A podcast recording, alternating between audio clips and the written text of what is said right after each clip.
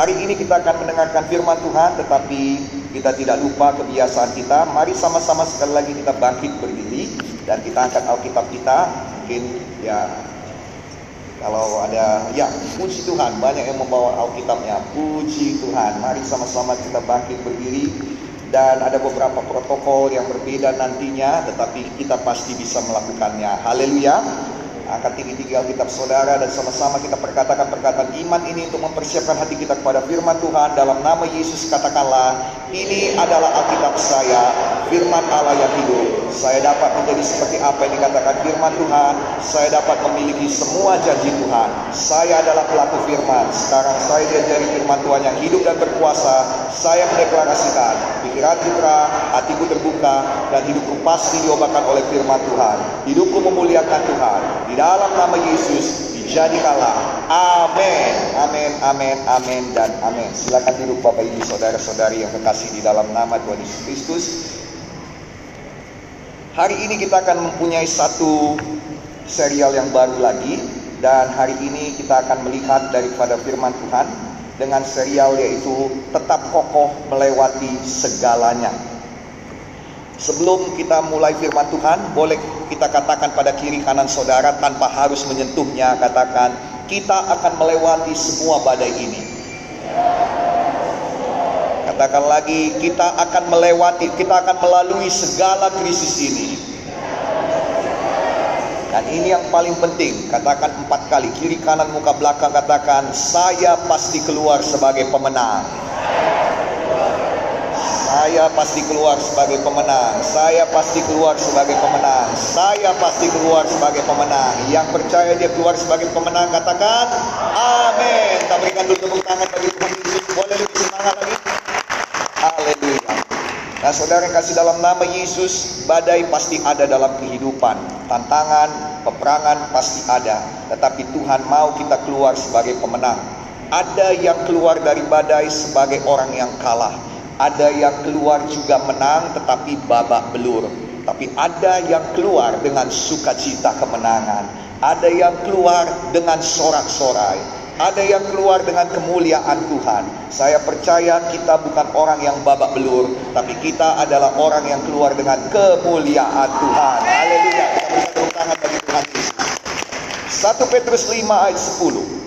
1 Petrus 5 ayat 10 dan Allah sumber segala kasih karunia yang telah memanggil kamu di dalam Kristus kepada kemuliaannya yang kekal akan melengkapi, meneguhkan, menguatkan dan mengokohkan kamu sesudah kamu menderita seketika lamanya.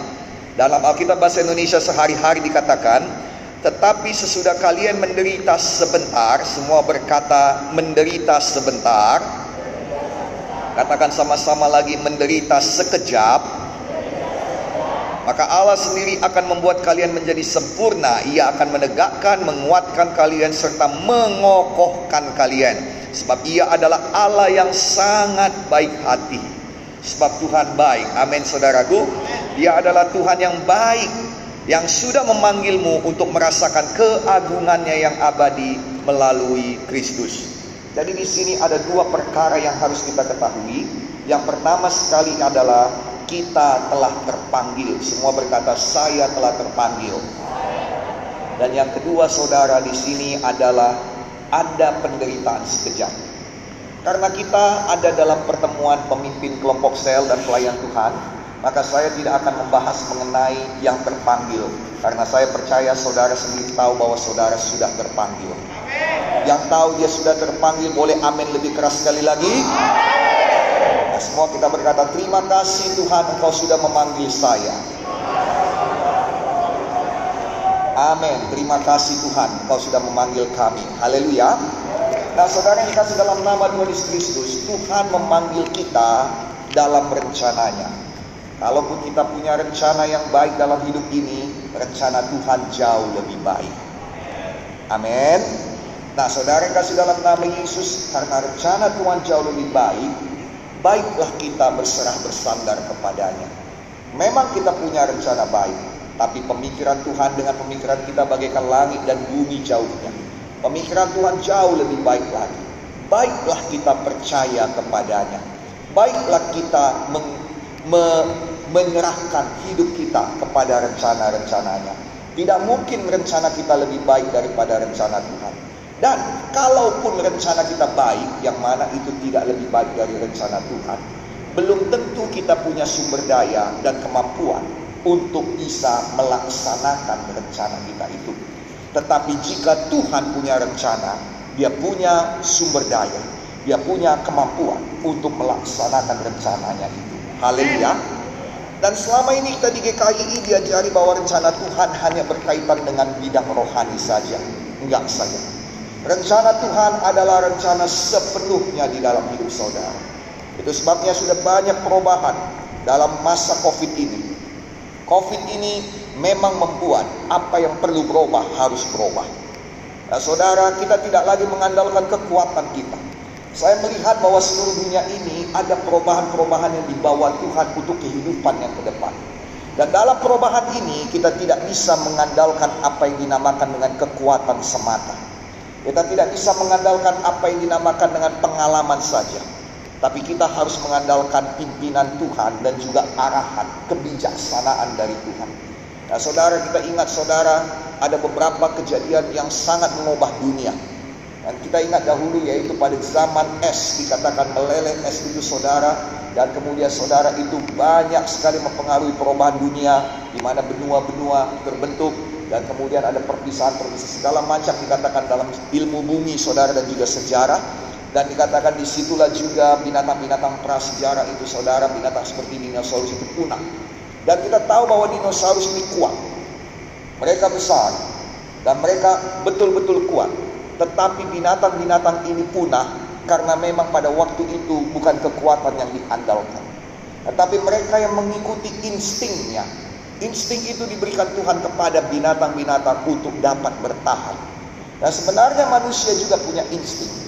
Tetapi bagi kita Tuhan berikan yang lebih lagi yaitu namanya hikmat dan kebijaksanaan. Tuhan mau berbicara kepada kita. Memang gereja kita besar, memang gereja kita kuat. Tapi saat ini seperti yang saudara lihat, kita tidak bisa lagi mengandalkan kekuatan gereja kita. Kita tidak bisa lagi mengandalkan kebesaran gereja kita. Kita harus mengandalkan hikmat, kebijaksanaan dari Tuhan. Kalau kita mau tepuk tangan, kita boleh tepuk tangan sama-sama bagi Tuhan. Yang setuju katakan amin.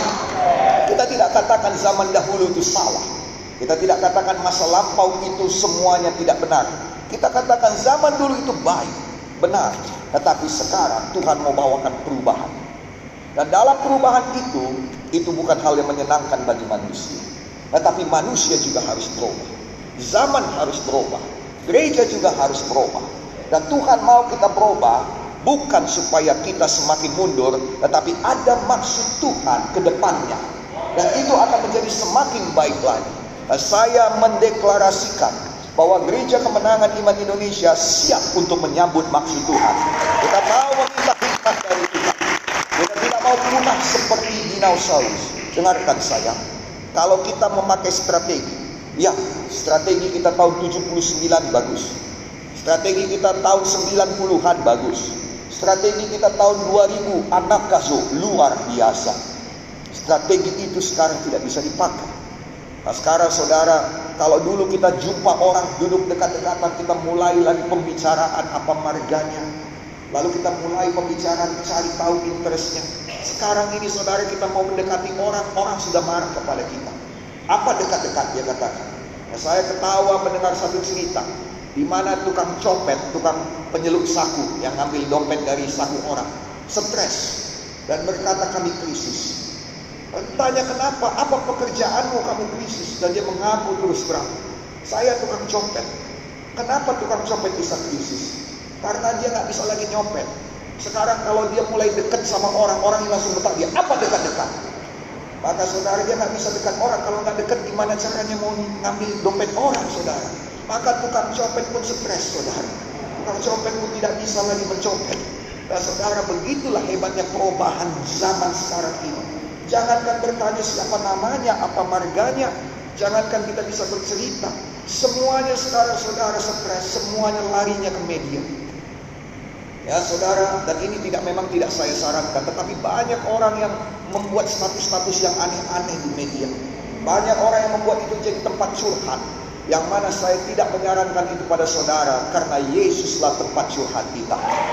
Haleluya. Karena kalaupun orang baca statusmu, mereka tak akan bisa buat apa-apa. Dan tidak akan semua orang setuju dengan engkau. Tidak akan semua orang mengerti engkau. Yang setuju katakan amin. Nah, saudara setuju, tapi banyak orang lain yang mungkin mendengar dia tidak setuju dengan saya. Dan orang-orang di dunia ini beragam. Dan kadang-kala kita butuh pertolongan karena dia tidak setuju dengan kita, kita malah mendapat makian. Dan kita malah semakin terpuruk lagi. Tetapi Tuhan Yesus mengerti saudara. Nah, saudara saya percaya di sini semuanya kita butuh Tuhan Yesus. Butuh orang yang mengerti. Kita tidak perlu lagi orang yang merendahkan kita, kita tidak perlu lagi orang yang yang yang mengajari kita tentang banyak hal lagi. Mohon maaf saya katakan terus terang. Hari ini kita butuh kesegaran. Hari ini kita butuh penghiburan. Hari ini kita butuh kekuatan. Yang setuju katakan haleluya. Itu saya diminta Tuhan, bukan diminta Tuhan, diperintahkan Tuhan hari ini untuk membawakan berkat sebesar-besarnya pada saudara. Maka dalam nama Yesus kiranya Tuhan menjamah saudara. Kiranya Tuhan menjawab kerinduan hati saudara. Kiranya sebelum bulan ini berakhir pun ada jawaban doa, jawaban doa, jawaban doa jadi pada saudara. Yang suka cita katakan amin. Yang percaya bahwa dia bisa menerima jawaban doanya sebelum bulan ini berakhir katakan saya ya Tuhan. Kiranya itu dijadikan untuk kemuliaan Tuhan dalam nama kita. Haleluya. Jangan lupa kalau saudara memang suka cita saudara boleh berdiri seperti kita biasanya. Yang suka cita katakan amin. Kita bakal lebih luar biasa lagi. Yang setuju katakan haleluya. Nah, saudara yang terkasih dalam nama Tuhan Yesus Kristus ada panggilan Tuhan. Dan Alkitab juga berkata dalam Roma 8 ayat 28 mengenai orang-orang yang dipanggil Tuhan. Kita tahu sekarang. Jadi kalau selama ini karena Covid saudara ragu-ragu atau saudara merasa atau saudara tidak tahu atau mungkin saudara tahu tapi lupa. Saya ingatkan lagi pada saudara, kita tahu sekarang, semua kita berkata, saya tahu bahwa Allah turut bekerja dalam segala sesuatu untuk mendatangkan kebaikan bagi mereka yang mengasihi Dia. Berapa banyak yang mengasihi Tuhan katakan saya cinta Engkau Yesus. Yaitu bagi saudara yang terpanggil sesuai dengan rencana Allah. Dalam Alkitab bahasa Indonesia sehari-hari dituliskan lebih luar biasa. Kita tahu bahwa Allah mengatur segala hal sehingga menghasilkan yang baik untuk orang-orang yang mengasihi Dia, yang dipanggilnya sesuai rencananya. COVID-19 ini ada kebaikan yang keluar dari sini. Karena Tuhan mengaturnya jadi kebaikan bagimu. Mungkin saudara berkata, saya belum melihatnya. Pak Pendeta, Pak Gembala, saya belum melihatnya. Saya sudah mulai melihatnya. Belum seluruhnya. Tapi kita harus terus berjalan. Terus berjalan. Terus berjalan. Tetap semangat. Tetap menyala-nyala. Tetap melayani. Tetap tersenyum. Tetap berbuat baik. Haleluya. Boleh dong kita berikan tepuk tangan yang semangat. Nah saudara terus berjalan. Walau mungkin dalam COVID-19 ini kita banyak kehilangan. Orang-orang saudara tidak mengerti kita. Mungkin orang-orang menghina kita, menentang kita. Mungkin lagi kita melihat ada kehilangan pekerjaan. Mungkin kita melihat persoalan-persoalan lain. Saya tertawa juga saudara melihat di Amerika dikatakan banyak keluarga-keluarga yang bercerai. Kenapa? Karena sebelum Covid ini saudara, mereka itu pagi-pagi jam jam 6, jam 7 saudara semua sudah keluar rumah. Yang istri ke kanan, yang suami ke kiri. Pulang jam 7 malam dan kemudian bersih-bersih sampai jam 8 malam dan mereka hanya bertemu dua jam satu hari saudara. Jam 8 sampai jam 10. Tetapi kemudian setelah Covid ini mereka bertemu 24 jam saudara. Maka kelihatanlah semua istilah orang Medan cungiknya. Kelihatanlah semua bagaimana sebenarnya si suami dan bagaimana sebenarnya si istri. Jadi saudara mereka banyak yang bertengkar, banyak yang berkelahi. Bahkan ada beberapa keluarga Kristen yang terpaksa bukan bercerai, tetapi mereka pindah rumah. Si suami tinggal di rumah satu, si istri tinggal di rumah satu untuk mempertahankan keluarganya. Dan banyak pendeta berkata, ya sudahlah. Ya saudara, banyak hal-hal aneh yang terjadi. Dan mungkin saudara tidak melihat ini semua mendatangkan kebaikan. Tapi kita tahu Tuhan kita bekerja. Tuhan kita bekerja. Saya percaya kita pasti keluar sebagai pemenang-pemenang. Haleluya. Itu sebabnya berjalan terus. Jangan sampai engkau kalah WO, kalah mengundurkan diri. Jangan. Amin. Ada sesuatu yang baik keluar dari sini. Ada sesuatu yang baik bagi diri saudara pribadi lepas pribadi. Saya doakan sekarang. Dalam nama Yesus sebelum tahun ini berakhir. Saudara sudah menerima sesuatu yang baik dari hal-hal ini. Haleluya. Ada sesuatu yang baik untuk gereja Tuhan juga. Yang percaya sama-sama kita katakan tiga kali. Amin, amin, amin. Haleluya. Jadi Tuhan sudah memanggil kita sesuai dengan rencananya. Dan kalau Tuhan berencana, dia punya kekuatan menjadikan. Saya berdoa Tuhan, jadikanlah rencanamu bagi kami pribadi lepas pribadi. Tuhan jadikanlah rencanamu bagi kami secara keluarga. Tuhan jadikanlah rencanamu bagi gerejamu ini. Yang setuju dengan doa ini dan yang mau doa ini dijadikan juga baginya katakan saya ya Tuhan. Kiranya itu dijadikan bagi kita semuanya. Boleh kita berjalan tepuk tangan bagi Tuhan. Nah, Bapak Ibu Saudara-saudara yang dikasih oleh Tuhan Yesus Kristus, dikatakan saudara bahwa bahwa di dunia ini tadi kita bicara rencana Tuhan yang satu lagi di dunia ini ada penderitaan yang sekejap. Ada juga orang-orang yang berkata saudara kalau ikut Tuhan maka nggak ada penderitaan lagi. Enggak, enggak demikian. Tuhan tidak pernah berkata demikian. Kalau ikut Tuhan berkat melimpah, saya setuju. Memang ikut Tuhan berkat melimpah. Tetapi bukan berarti tidak ada masalah. Bukan berarti tidak ada persoalan.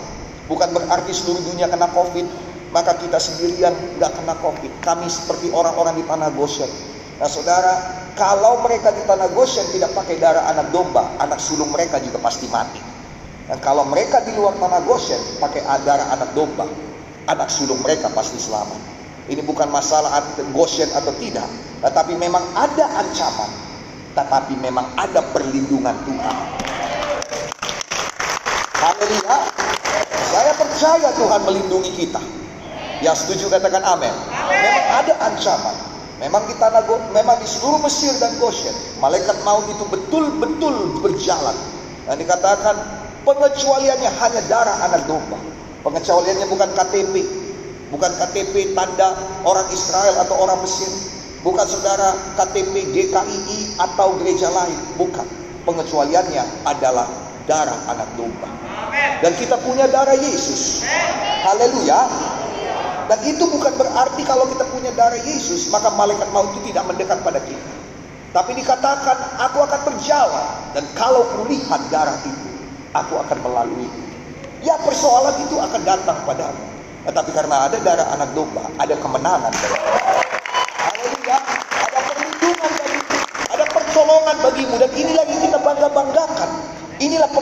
Antara kita dan orang dunia. Sama-sama punya masalah, tetapi pada kita ada pertolongan. Pada kita ada perlindungan. Pada kita ada Tuhan yang bekerja yang menjadikan segala sesuatu kebaikan bagi kita. Haleluya. Jadi hari ini saya bawakan berkat. Kalau sampai kita bertemu hari ini, saudara belum menemukan kebaikan yang terjadi selama enam bulan ini. Saudara melihat hidup saudara semakin berkurang, berkurang, berkurang. Saya menerima kesaksian banyak hidupnya sudah mulai berubah. Pemulihan mulai jadi. Tapi kalau saudara belum, jangan bersedih. Apa yang terjadi dengan saya Pak Pendeta? Apa dosa saya? Dengarkan saya justru orang berdosa pada saat ini nggak diganggu setan. Kenapa? Karena itu sudah jadi milik setan. Justru saudara yang menyala-nyala itu yang dicecar setan. Kenapa dia tidak mau saudara menyala-nyala? Dia mau saudara habis-habisan. Dia mau saudara babak belur. Dia mau saudara trauma. Dia mau saudara berhenti. Dia mau saudara pergi. Dan dia mau saudara tidak melayani lagi. Dia mau menghabisi gereja. Tetapi saya melihat perlahan-lahan di seluruh negara, di seluruh dunia ini gereja mulai bangkit. Gereja mulai menggeliat lagi. Keluar dari kegelapan. Dan mulai ada terang sinar Tuhan. Dan di antara semua gereja itu ada gereja kemenangan iman Indonesia. Tuhan sayang kepada gereja kemenangan iman Indonesia. Haleluya. Haleluya. Di antara semua umat Tuhan itu ada saudara. Saudara akan menggeliat keluar. Kegelapan ini tidak bisa menguasai saudara. Cengkeramannya sudah terbuka. Di dalam nama Yesus, engkau lepas dari cengkeraman kegelapan ini. Engkau lepas daripada cengkeraman kegelapan ini. Haleluya. Nah, saudara, ada memang sekejap dikatakan Tuhan. Tetapi ini semua pasti berlalu. Haleluya. Nah saudara, jadi dalam dunia ini ada persoalan. Nah teologi yang mengatakan bahwa kalau kita ikut Tuhan tidak ada persoalan itu sama sekali tidak dapat dipertanggungjawabkan. Karena Tuhan Yesus sendiri berkata dalam Yohanes 16 ayat 33 dikatakan, dalam dunia ini kamu akan menderita penganiayaan. Dalam dunia ini ada persoalan, ada banyak hal yang kita tidak inginkan terjadi terjadi bagi kita. Ada banyak hal yang kita tidak pengen kita terima, malah itu yang datang kepada kita. Sampai Ayub pun berkata hal yang kutakutkan datang, itu yang datang menimpa aku. Karena itulah yang paling tidak diinginkannya. Untuk itulah dia berdoa supaya itu tidak terjadi. Eh malah itu pula yang datang. Kenapa? Karena dia tahu betul tidak ada orang di dunia ini yang terus menerus hebat. Tidak ada orang di dunia ini yang terus menerus bahagia. Pasti akan datang tantangan, pasti akan datang Goliat, pasti akan datang persoalan. Dan itu yang dia takut. Tetapi dia lupa bahwa Allah mengatur segala sesuatu. Bahkan tantangan itu pun diatur Tuhan. Bahwa COVID-19 ini pun diatur Tuhan. Supaya itu tidak membawa keburukan. Tetapi menjadi kebaikan bagi kita yang mengasihi Tuhan. Percayalah ini akan jadi kebaikan. Dan untuk itu engkau harus bertahan. Engkau harus tertawa. Engkau harus menang. Kalau tidak engkau akan jadi korban. Kalau tidak tekanan darahmu akan naik. Kalau tidak engkau akan sakit. Kalau tidak engkau tidak akan melihat kemenangan itu. Dalam arti kata bison pada dia. Sudah mati duluan. Tidak ada kita yang jadi korban engkau akan melewati garis finish. Engkau akan mengangkat tangan dan berkata, Haleluya. Ayo kita berikan tepuk tangan lebih semangat lagi bagi Tuhan. Tuhan juga berkata dalam dunia ini kamu menderita penganiayaan, tapi kuatkanlah hatimu, aku telah mengalahkan dunia. Tuhan berkata sudah kukalahkan. Dan kalau Tuhan sudah mengalahkannya, artinya memang dunia ini bisa dikalahkan. Dan segala sesuatu yang ada di dalamnya bisa dikalahkan. Kalau Tuhan sudah mengalahkannya berarti apa yang dipunyai Tuhan yang kita miliki segala di dalam hidup kita juga. Karena apa yang dipunyai Tuhan saudara diberikannya pada kita. Tunggulah di Yerusalem sampai kau diperlengkapi dengan kekuatan dari yang maha tinggi. Dengan kuasa dari yang maha tinggi. Dan roh kudus datang. Haleluya. Roh Kudus datang sama seperti Roh Kudus yang membangkitkan Yesus di antara dari antara orang mati. Demikian juga Roh Kudus menguatkan tubuh-tubuh kita yang fana. Damai sejahtera yang kupunyai kuberikan padamu. Tidak sama dengan damai sejahtera dunia ini. Jadi apa yang dipunyai Yesus? Ada pada kita. Ada pada saudara. Ada di GKI. Pergunakan dalam nama Yesus. Jadi kalau Yesus berkata, aku sudah mengalahkan dunia. Itu berarti dia pakai apa yang ada padanya. Maka kita juga bisa mengalahkan dunia. Dengan apa yang ada pada kita. Ada damai. Kadang-kala saya lupa kalau di GKI ini saudara ada kuasa selalu. Dalam nama Yesus, dalam nama Yesus. Kita terus menerus berperang. Tapi kita lupa. Perlu ada damai. Ah, perlulah kita buat ikut lagi. Haleluya. Kalau sudah ada resort yang buka. Dan juga boleh rame-rame kita datang ke sana. Atau mungkin kita bagi-bagilah. Per wilayah. Yang suka cita katakan amin. Jadi kita boleh retreat lagi. Menikmati baiknya Tuhan. Selama ini retreat kita pun saudara Oh terlalu rohani. Mana kalau ada retreat saudara, pasti ada penuh roh kudus. Jatuh-jatuh lagi saudara. Dan setiap kali retreat dari pagi sampai malam, firman Tuhan terus. Dan acara-acara lainnya saudara, wah sekarang kau punya gembala yang beda. Tanya EBT. Ketika kami pergi saudara untuk retreat, betul-betul retreat. Mereka sudah mempersiapkan diri untuk bisa ibadah lagi saudara. Tapi sampai sana, saya hanya berdoa dan saya katakan silahkan pergi. Dan semua terkejut termasuk gembala sidang cabang yang juga hadir di situ juga berkata, wow, DKI sudah berubah. Segala sesuatu ada waktunya. Ada waktunya kita begini, ada waktunya kita retreat, ada waktunya kita kerja keras, ada waktunya kita menikmati kebaikan Tuhan.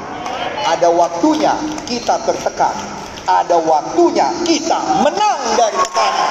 Haleluya. Waktunya akan tiba. Saya bisa rasakan dalam roh saya bahwa sebentar lagi seluruh dunia ini akan menang. Dan kita ambil bagian dalam kemenangan. Ya suka cita katakan amin. Ya suka cita katakan haleluya. Nah saudara tapi dikatakan di sini, kamu menderita penganiayaan tapi kuatkan hati. Tuhan mau saudara kuat. Kekuatan saudara bukan ada di kelompok saudara. Kekuatan saudara ada di hati saudara. Kekuatan saudara ada di pikiran saudara. Sebagaimana yang kau pikirkan, demikianlah engkau. Sebagaimana hatimu berbicara, demikianlah engkau. Kalau dikatakannya matinya aku udah kena aku virus corona ini baru hancur ah, dalam nama Yesus sudah kena aku virus corona ini jadilah padamu sebagaimana iman. Tapi kalau saudara berkata Tuhan melindunginya darah Yesus tutup bungkus. Saudara lakukan bagian saudara seperti hari ini. Saya melihat kita semuanya pakai masker, pakai face face shield dan lain sebagainya. Tuhan pasti melindungi. Saya melihat saudara juga pakai apa namanya hand sanitizer. Bagus. Kita lakukan bagian kita. Tuhan tidak akan gagal melakukan bagiannya. Kuatkan hati saudara. Walau penjualan saudara tidak seperti biasanya. Walau saudara saudara mungkin di PHK. Saudara pada waktu minggu pertama kita mengadakan apa namanya? Kita mengadakan uh, uh, kita menutup ibadah. Semua persembahan dan lain sebagainya menurun drastis 90%. Banyak hamba Tuhan tidak percaya dia berkata, "Wow, gerejamu sangat diberkati ya." Karena dipikirnya hanya 10% yang menurun, 90% tinggal. Kalau kami setengah, kurang kami semua. Kalau gerejamu bisa 90% hebat. Saya senyum, saya saya senyum dan saya katakan, "Bro, kami kurangnya itu 90%. Sisanya cuma 10%." Nah, Saudara bayangkan apa namanya kita punya pengeluaran hampir tidak ada beda. Kenapa? Karena malah kita harus menambahi untuk internet dan itu sangat mahal. Nah, saudara kasih dalam nama Yesus, rasanya pengen nangis, rasanya pengen teriak tapi nggak tahu mau teriak ke mana. Pengen teriak sama saudara, saya tahu saudara juga dalam kesusahan. Akhirnya saya katakan pada saudara seperti yang saya saya katakan pada saudara, uh, seperti yang saya katakan tadi, saya cuma bisa teriak sama Tuhan. Nah, pelan-pelan entah bagaimana caranya saya heran. Pada waktu tagihan itu datang semuanya saya bawa sama Tuhan dan saya katakan Tuhan gak ada uangku. Tuhan berkata kau percaya, saya katakan saya percaya. Tapi ini punya deadline buat Tuhan. Kau betul-betul percaya, saya katakan percaya. Lalu kemudian Tuhan katakan tenang kau, oke? Menang ya tenang. Nah, tahukah saudara, firman Tuhan berkata, damai kuku berikan padamu. Nah, itu kadang-kadang kita nggak pergunakan. Yang kita pergunakan kuasa. Dalam hal seperti itu, kayaknya kuasa nggak begitu penting. Yang mengerti katakan amin. Yang mengerti katakan amin. Kadang kala dalam hidup ini seperti hari ini, kita perlu damai yang merasakan kebenaran pada apa kebenaran firman pada apa yang saya beritakan pada saudara katakan saya ya Tuhan saya tenangkan diri saya dan tiba-tiba ada satu orang yang tidak saya kenal siapa. Saya sungguh gak kenal, benar. Tiba-tiba dia gak tahu pun nomor telepon saya. Masuk ke Instagram saya, dia katakan, Pak Pendeta, saya transfer sama Bapak 30 juta. Saya terkejut. Saya tanya, saya katakan terima kasih banyak Ibu. Ibu anggota GKI, bukan? Bukan.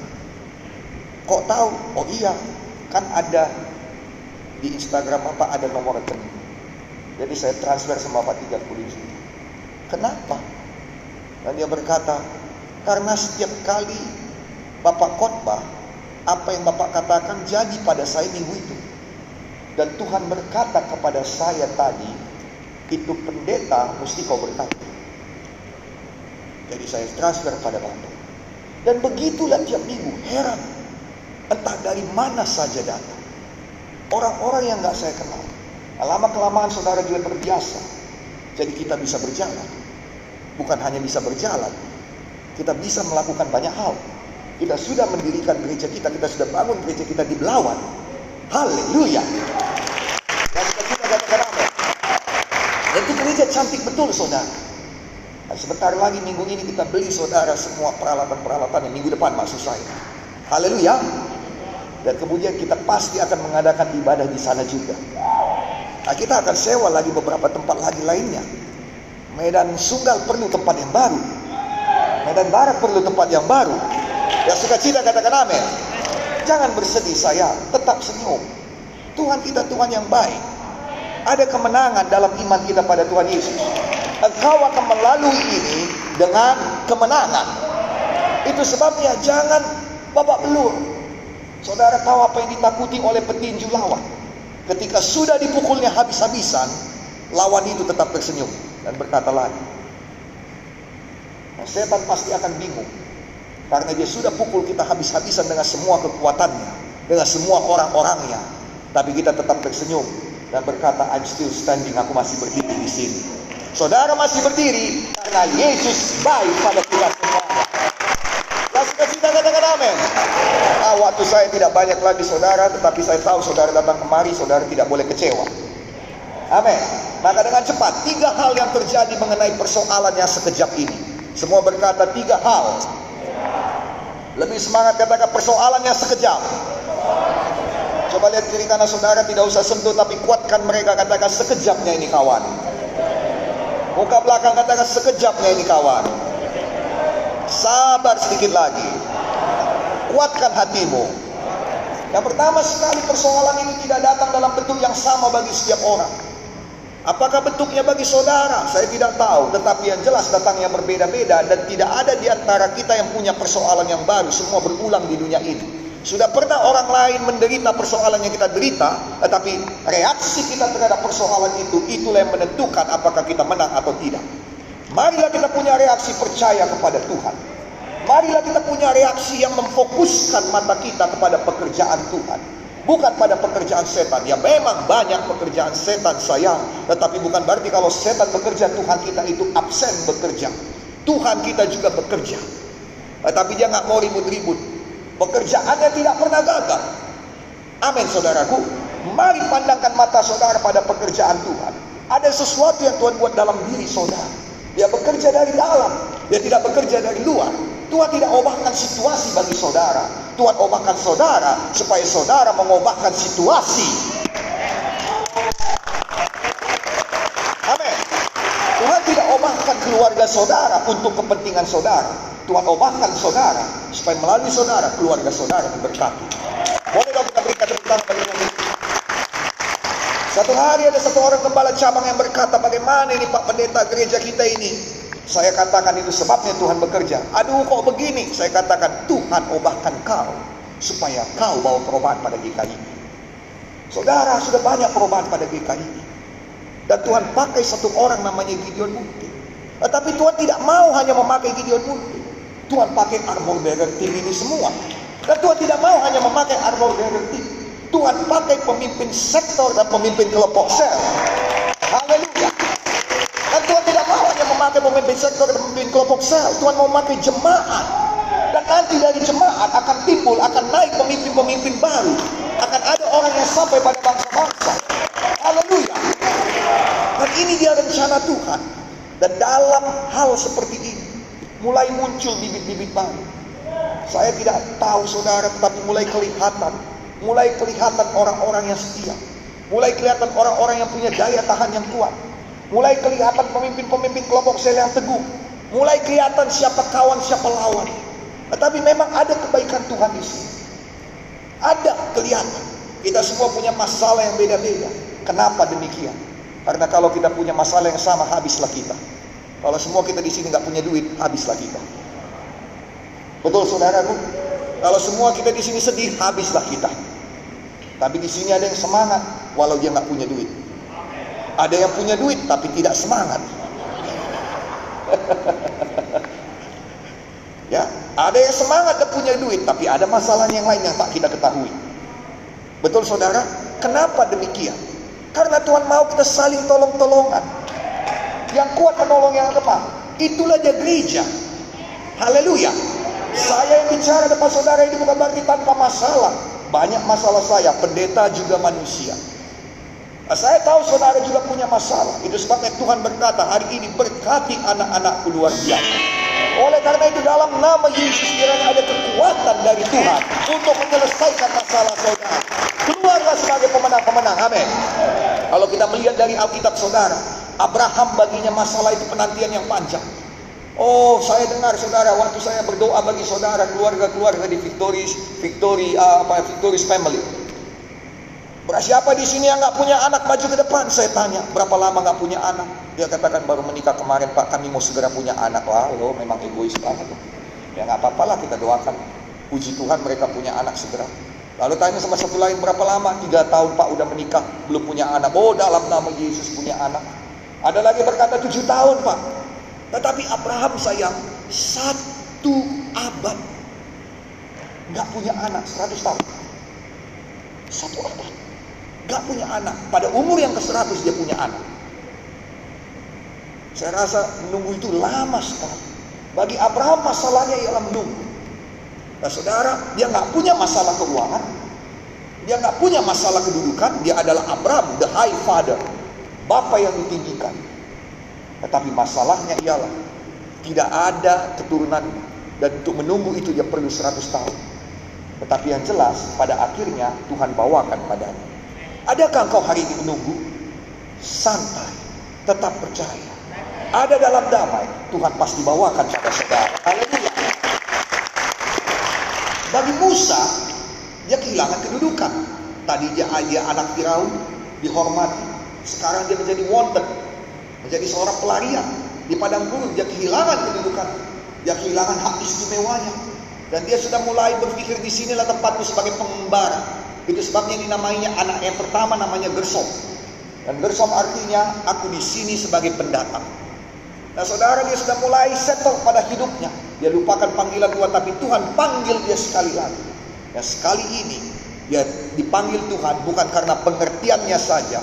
Tapi betul-betul Tuhan perlengkapi. Haleluya. Nah saudara yang kasih dalam nama sebagai Musa dia kehilangan kedudukannya. Tapi pada akhirnya dia begitu ditinggikan Tuhan. Sehingga semua orang Israel memandang padanya. Mau apa-apa datang padanya. Alkitab berkata dari pagi sampai malam Musa ada di pintu kemahnya untuk membereskan persoalan orang Israel. Dan kemudian saudara bukan cuma itu orang Israel semua meminta padanya. Mau air minta sama Musa. Mau makan minta sama Musa. Dan Musa begitu dimuliakan, Musa membawa kemenangan, dia angkat tongkatnya saudara, orang Israel menang. Dan itu semuanya membuat orang Israel begitu mendewakan dia. Sehingga pada waktu dia mati, Tuhan sendiri harus menguburkan dia. Supaya orang Israel tidak pergi ke kuburannya dan menyembah dia. Musa dapatkan kembali kedudukan menjadi pemimpin bangsa yang besar. Bukan bangsa dunia, tapi bangsa pilihan Tuhan. Adakah kau di PHK, kehilangan kedudukan? Waktunya akan tiba, Tuhan akan muliakan lagi. Haleluya. Ada yang datang dengan ada yang ada ada persoalan yang datang seperti Ayub, dia kehilangan semua. Semua dia kehilangan. Keluarganya dia kehilangan, uangnya dia kehilangan, harta benda dia kehilangan, kesehatannya dia kehilangan. Nah, saudara, adakah saudara demikian? Kehilangan semua. Kehilangan toko, kehilangan pekerjaan, kehilangan uang, atau banyak rugi selama bulan-bulan ini. Sabar. Pada waktunya Ayub juga dipulihkan. Persoalan ini datang macam-macam. Bagi Esther saudara, sudah dia saudara yatim piatu, dia berusaha memperbaiki hidupnya. Ada sayembara siapa yang mau jadi ratu, boleh datang supaya dites. Dia mendaftar, eh bukan langsung dites, tapi malah dilatih lagi. Dan pelatihannya dikatakan cukup berat. Nah saudara, bagi Esther adalah pelatihan. Adakah Tuhan sudah melatih saudara sekarang? Bagi Daud, sudah dia dihina, sudah dia diejek, dilupakan oleh bapaknya, datang lagi Goliat dan gak ada yang bisa menghadapi Goliat selain daripada Daud. Apakah saudara juga demikian? Sudah ini Covid, datang lagi Goliat-Goliat yang lainnya yang menentang saudara. Dan saudara kemudian bagi Yusuf pengkhianatan tidak henti-hentinya. Bagi Yusuf dia nggak punya masalah duit, dia nggak punya masalah seperti Daud. Daud dilupakan bapaknya, Yusuf disayang bapaknya. Beda masalah, tapi dikhianati oleh saudara-saudari. Dia baru bernafas lega sedikit, dikhianati lagi oleh istri Potifar. Dia baru bernafas lega sedikit lagi saudara, dikhianati oleh juru minuman raja. Dia berkata, tolonglah bawa perkara kepada raja, tapi tak diingat oleh juru minuman raja itu. Dikhianati terus. Tapi saudara tahu, semuanya Tuhan punya rencana. Haleluya. Kita tidak bisa melarikan diri dari masalah. Hadapi. Hadapi COVID ini. Hadapi kekecewaan. Hadapi pemberontakan. Hadapi semuanya. Karena kita tahu Tuhan punya rencana. Tuhan itu baik. Amin. Tuhan Yesus sendiri saudara. Tuhan di atas segala Tuhan. Raja di atas raja. Harus melewati padang gurun. Sesak memang hati ini. Bayangkan ya sayang. Dia itu Tuhan di atas segala Tuhan. Setan itu Jangankan di bawah kaki Tuhan, Alkitab berkata di bawah kaki kita, makhluk rendah. Betul atau tidak? Tapi beraninya ngomong sama Yesus itu loh. Oh lapar, jadikanlah roti ini, eh jadikan batu ini jadi roti. Ih, kalau saya ada orang bilang kayak gitu, ku tampari. Tapi lihatlah Yesus itu, baik hatinya. Yang mengerti katakan amin. Dia jawab ada tertulis. Kalau kau anak Allah katanya, sudah jelas Yesus anak Allah. Haleluya. Saya aja kemarin ada satu orang ini tim ini berkata, ada orang jemaat berkata, kalau Pak Gideon itu diberkati, saya katakan siapa rupanya dia? Dia nggak tahu siapa Gideon Murni. Bagi saya nggak ada uang itu, bukan berarti nggak ada uang nol. Banyak simpanan saya, tapi saya berpikir banyak hal. Karena banyak rencana yang mengerti katakan amin. Jadi kalau nggak ada uang, itu artinya kita harus atur lagi. Bukan berarti nol, ada uang. Selalu ada uang. Eh, jangan dipikirnya Gideon Murni jatuh miskin karena itu enggak. Panas hati saya hanya karena dikatakannya begitu. Tapi Yesus, kalau kau anak Allah katanya, masih juga tenang. Selesai itu Tuhan tegur saya. Dan Tuhan berkata pada saya, git. Saya katakan Tuhan, Tuhan. Tuhan berkata lagi, seolah-olah dia goyang-goyang kepala, saya bisa lihat. Katakan git, git. Masih belum juga. Saya katakan, sabar ya Tuhan. Terima kasih Tuhan selalu sabar. Yang mengerti katakan amin. Tapi setan makhluk rendah itu saudara. Datang pada Yesus. Itulah cobaan. Tapi lihat Yesus begitu anggun. Begitu agung. Begitu mantap. Begitu penuh damai. Begitu penuh kuasa. Begitu tepat. Ah Tuhan. Biarlah kita meneladani Yesus. Pada saat-saat seperti ini. Begitu agung. Begitu tepat. Ah, saya mesti banyak belajar lagi. Masih jauh. Tapi saya berlari-lari. Saya berdoa supaya Amang, Inang, Bapak, Ibu juga sama-sama kita tenangkan hati kita. Percaya kita bersama Tuhan. Bahwa di balik semua ini Tuhan bekerja dan bawakan kebaikan pada saudara. Haleluya. Memang sesaklah hati kita. Sesak. Tetapi jangan lupa nomor dua. Alkitab tadi berkata setelah engkau menderita sekejap lamanya. Sebentar. Jadi semua penderitaan memiliki tan memiliki tanggal kedaluarsa. Dia tidak datang padamu selama-lamanya. Musa nggak selama-lamanya menantikan janji Tuhan. Nggak sampai mati, maaf, bukan Musa. Abraham. Abraham tidak selama-lamanya menantikan janji Tuhan, nggak sampai mati. Mana Tuhan? Ya nantilah. Mana Tuhan? Ya nantilah. Mana Tuhan? Sabarlah. Mana Tuhan? Ah, diamlah kau. Enggak. Pada akhirnya dia tertawa. Itu sebabnya nama anaknya Isya. Dia tertawa kenapa? Karena penantiannya berakhir. Karena masalahnya berakhir. Ada suatu saat mana kita juga akan tertawa.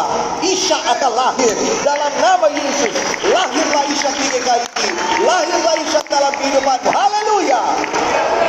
Oh, saudara kasih dalam nama Yesus. Musa juga demikian. Itu sebabnya ketika Tuhan berkata, engkau tidak akan masuk tanah kanaan, dia nggak mau protes lagi. Karena dia tahu apa yang diberikan Tuhan padanya lebih daripada apa yang dimintanya. Dan satu memang saya sedih ketika dikatakannya, oh betapa indah. Oh so Memang dia tidak bisa masuk. Tapi dia tidak protes. Karena dia tahu bahwa apa yang jadi padanya lebih daripada apa yang pernah dipikirkan. Betul apa kata Paulus. Lebih daripada apa yang sanggup kau doakan. Lebih daripada apa yang sanggup kau pikirkan. Maka saya ajak saudara mari berpikir tinggi. Mari berpikir besar. Karena Allah kita Allah yang besar. Mari berdoa yang besar. Tuhan bebaskan aku dan bukan hanya bebaskan, angkat aku lebih tinggi lagi. Dalam nama Yesus sampai semua pada bangsa-bangsa dalam nama Yesus. Haleluya. Jangan cuma minta sehat, jangan cuma minta kuat, tapi minta panjang umur. Jangan cuma minta panjang umur, tapi minta supaya engkau melihat kegenapan janji Tuhan. Minta supaya engkau melihat hari-hari baik. Minta supaya engkau melihat pergandaan dari Tuhan. Haleluya. Ayo dong, kalau mau tepuk tangan sama-sama kita tepuk tangan. Dan Esther saudara Ayub pada akhirnya mendapat dua kali ganda nggak terus-terusan dia menggaruk-garuk nggak terus-terusan dia mendengar tiga orang penghibur sialan itu Yang katanya mau meneguhkan, katanya membawa jalan Tuhan, tetapi ternyata menjatuhkan dan menuduh. Oh, saudara, nggak terus-terusan saudara dia miskin, nggak terus-terusan dia mengiba-giba, nggak terus-terusan dia membela diri. Ada Tuhan yang membela dia. Dan suatu hari dia menjadi Ayub yang dipulihkan. Satu hari kita semua saya berdoa dan saya perkatakan engkau akan menjadi Ayub yang dipulihkan. Engkau akan menjadi Ayub yang dipulihkan. Bisnismu akan dipulihkan, keuanganmu akan dipulihkan, sukacitamu akan dipulihkan, hatimu akan dipulihkan. Oh, semua damai sejahtera dipulihkan. Bukan hanya seperti dulu, tapi dua kali ganda dalam nama Yesus. Boleh dong semangat katakan tiga kali sama-sama. Amin, amin, amin. Kita berikan tepuk tangan bagi Tuhan. Saudara lihat saudara, Daud pun jadi raja. Esther jadi permaisuri, jadi ratu. Amin saudaraku. Yusuf jadi perdana menteri. Dan Yesus keluar dari padang gurun dengan kuasa roh kudus. Dulu orang gak kenal dia. Orang kenal dia sebagai anak tukang kayu. Sekarang orang kenal dia sebagai pelaku mukjizat. Ke mana-mana orang datang mohon mukjizat. Orang buta datang dan berkata, Tuhan Yesus, sembuhkan. Aku mau melihat. Orang kusta datang, kalau kau sanggup kau dapat menyembuhkan aku.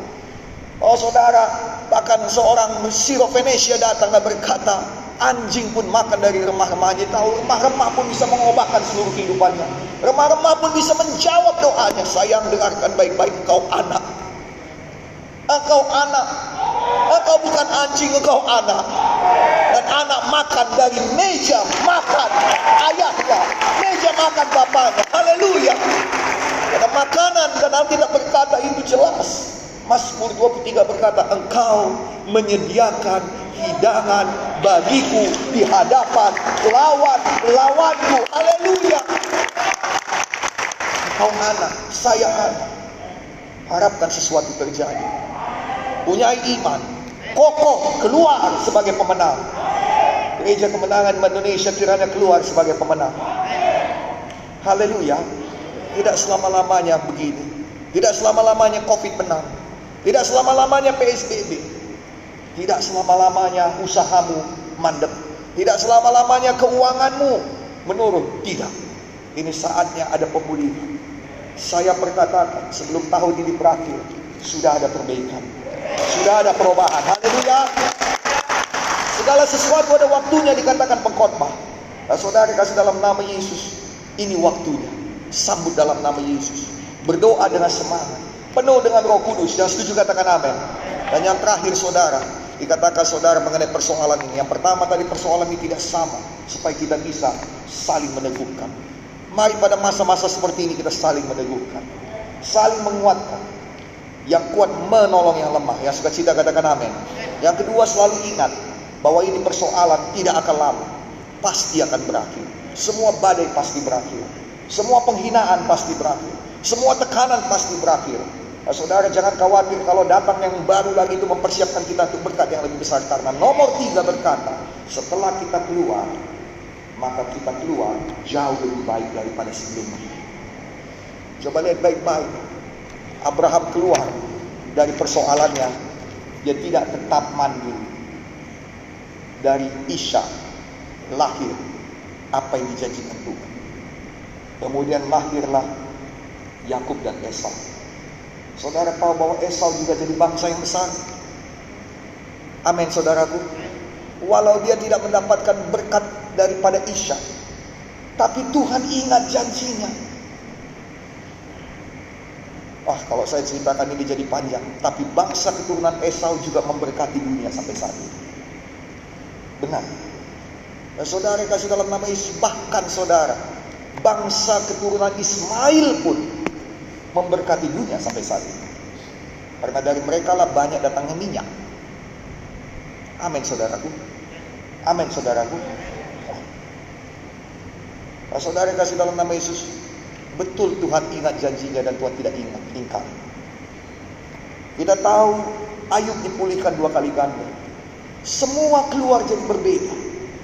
Dan bedanya itu jelas. Jadi kesaksian. Saya hari ini melihat kepada orang-orang yang berbeda.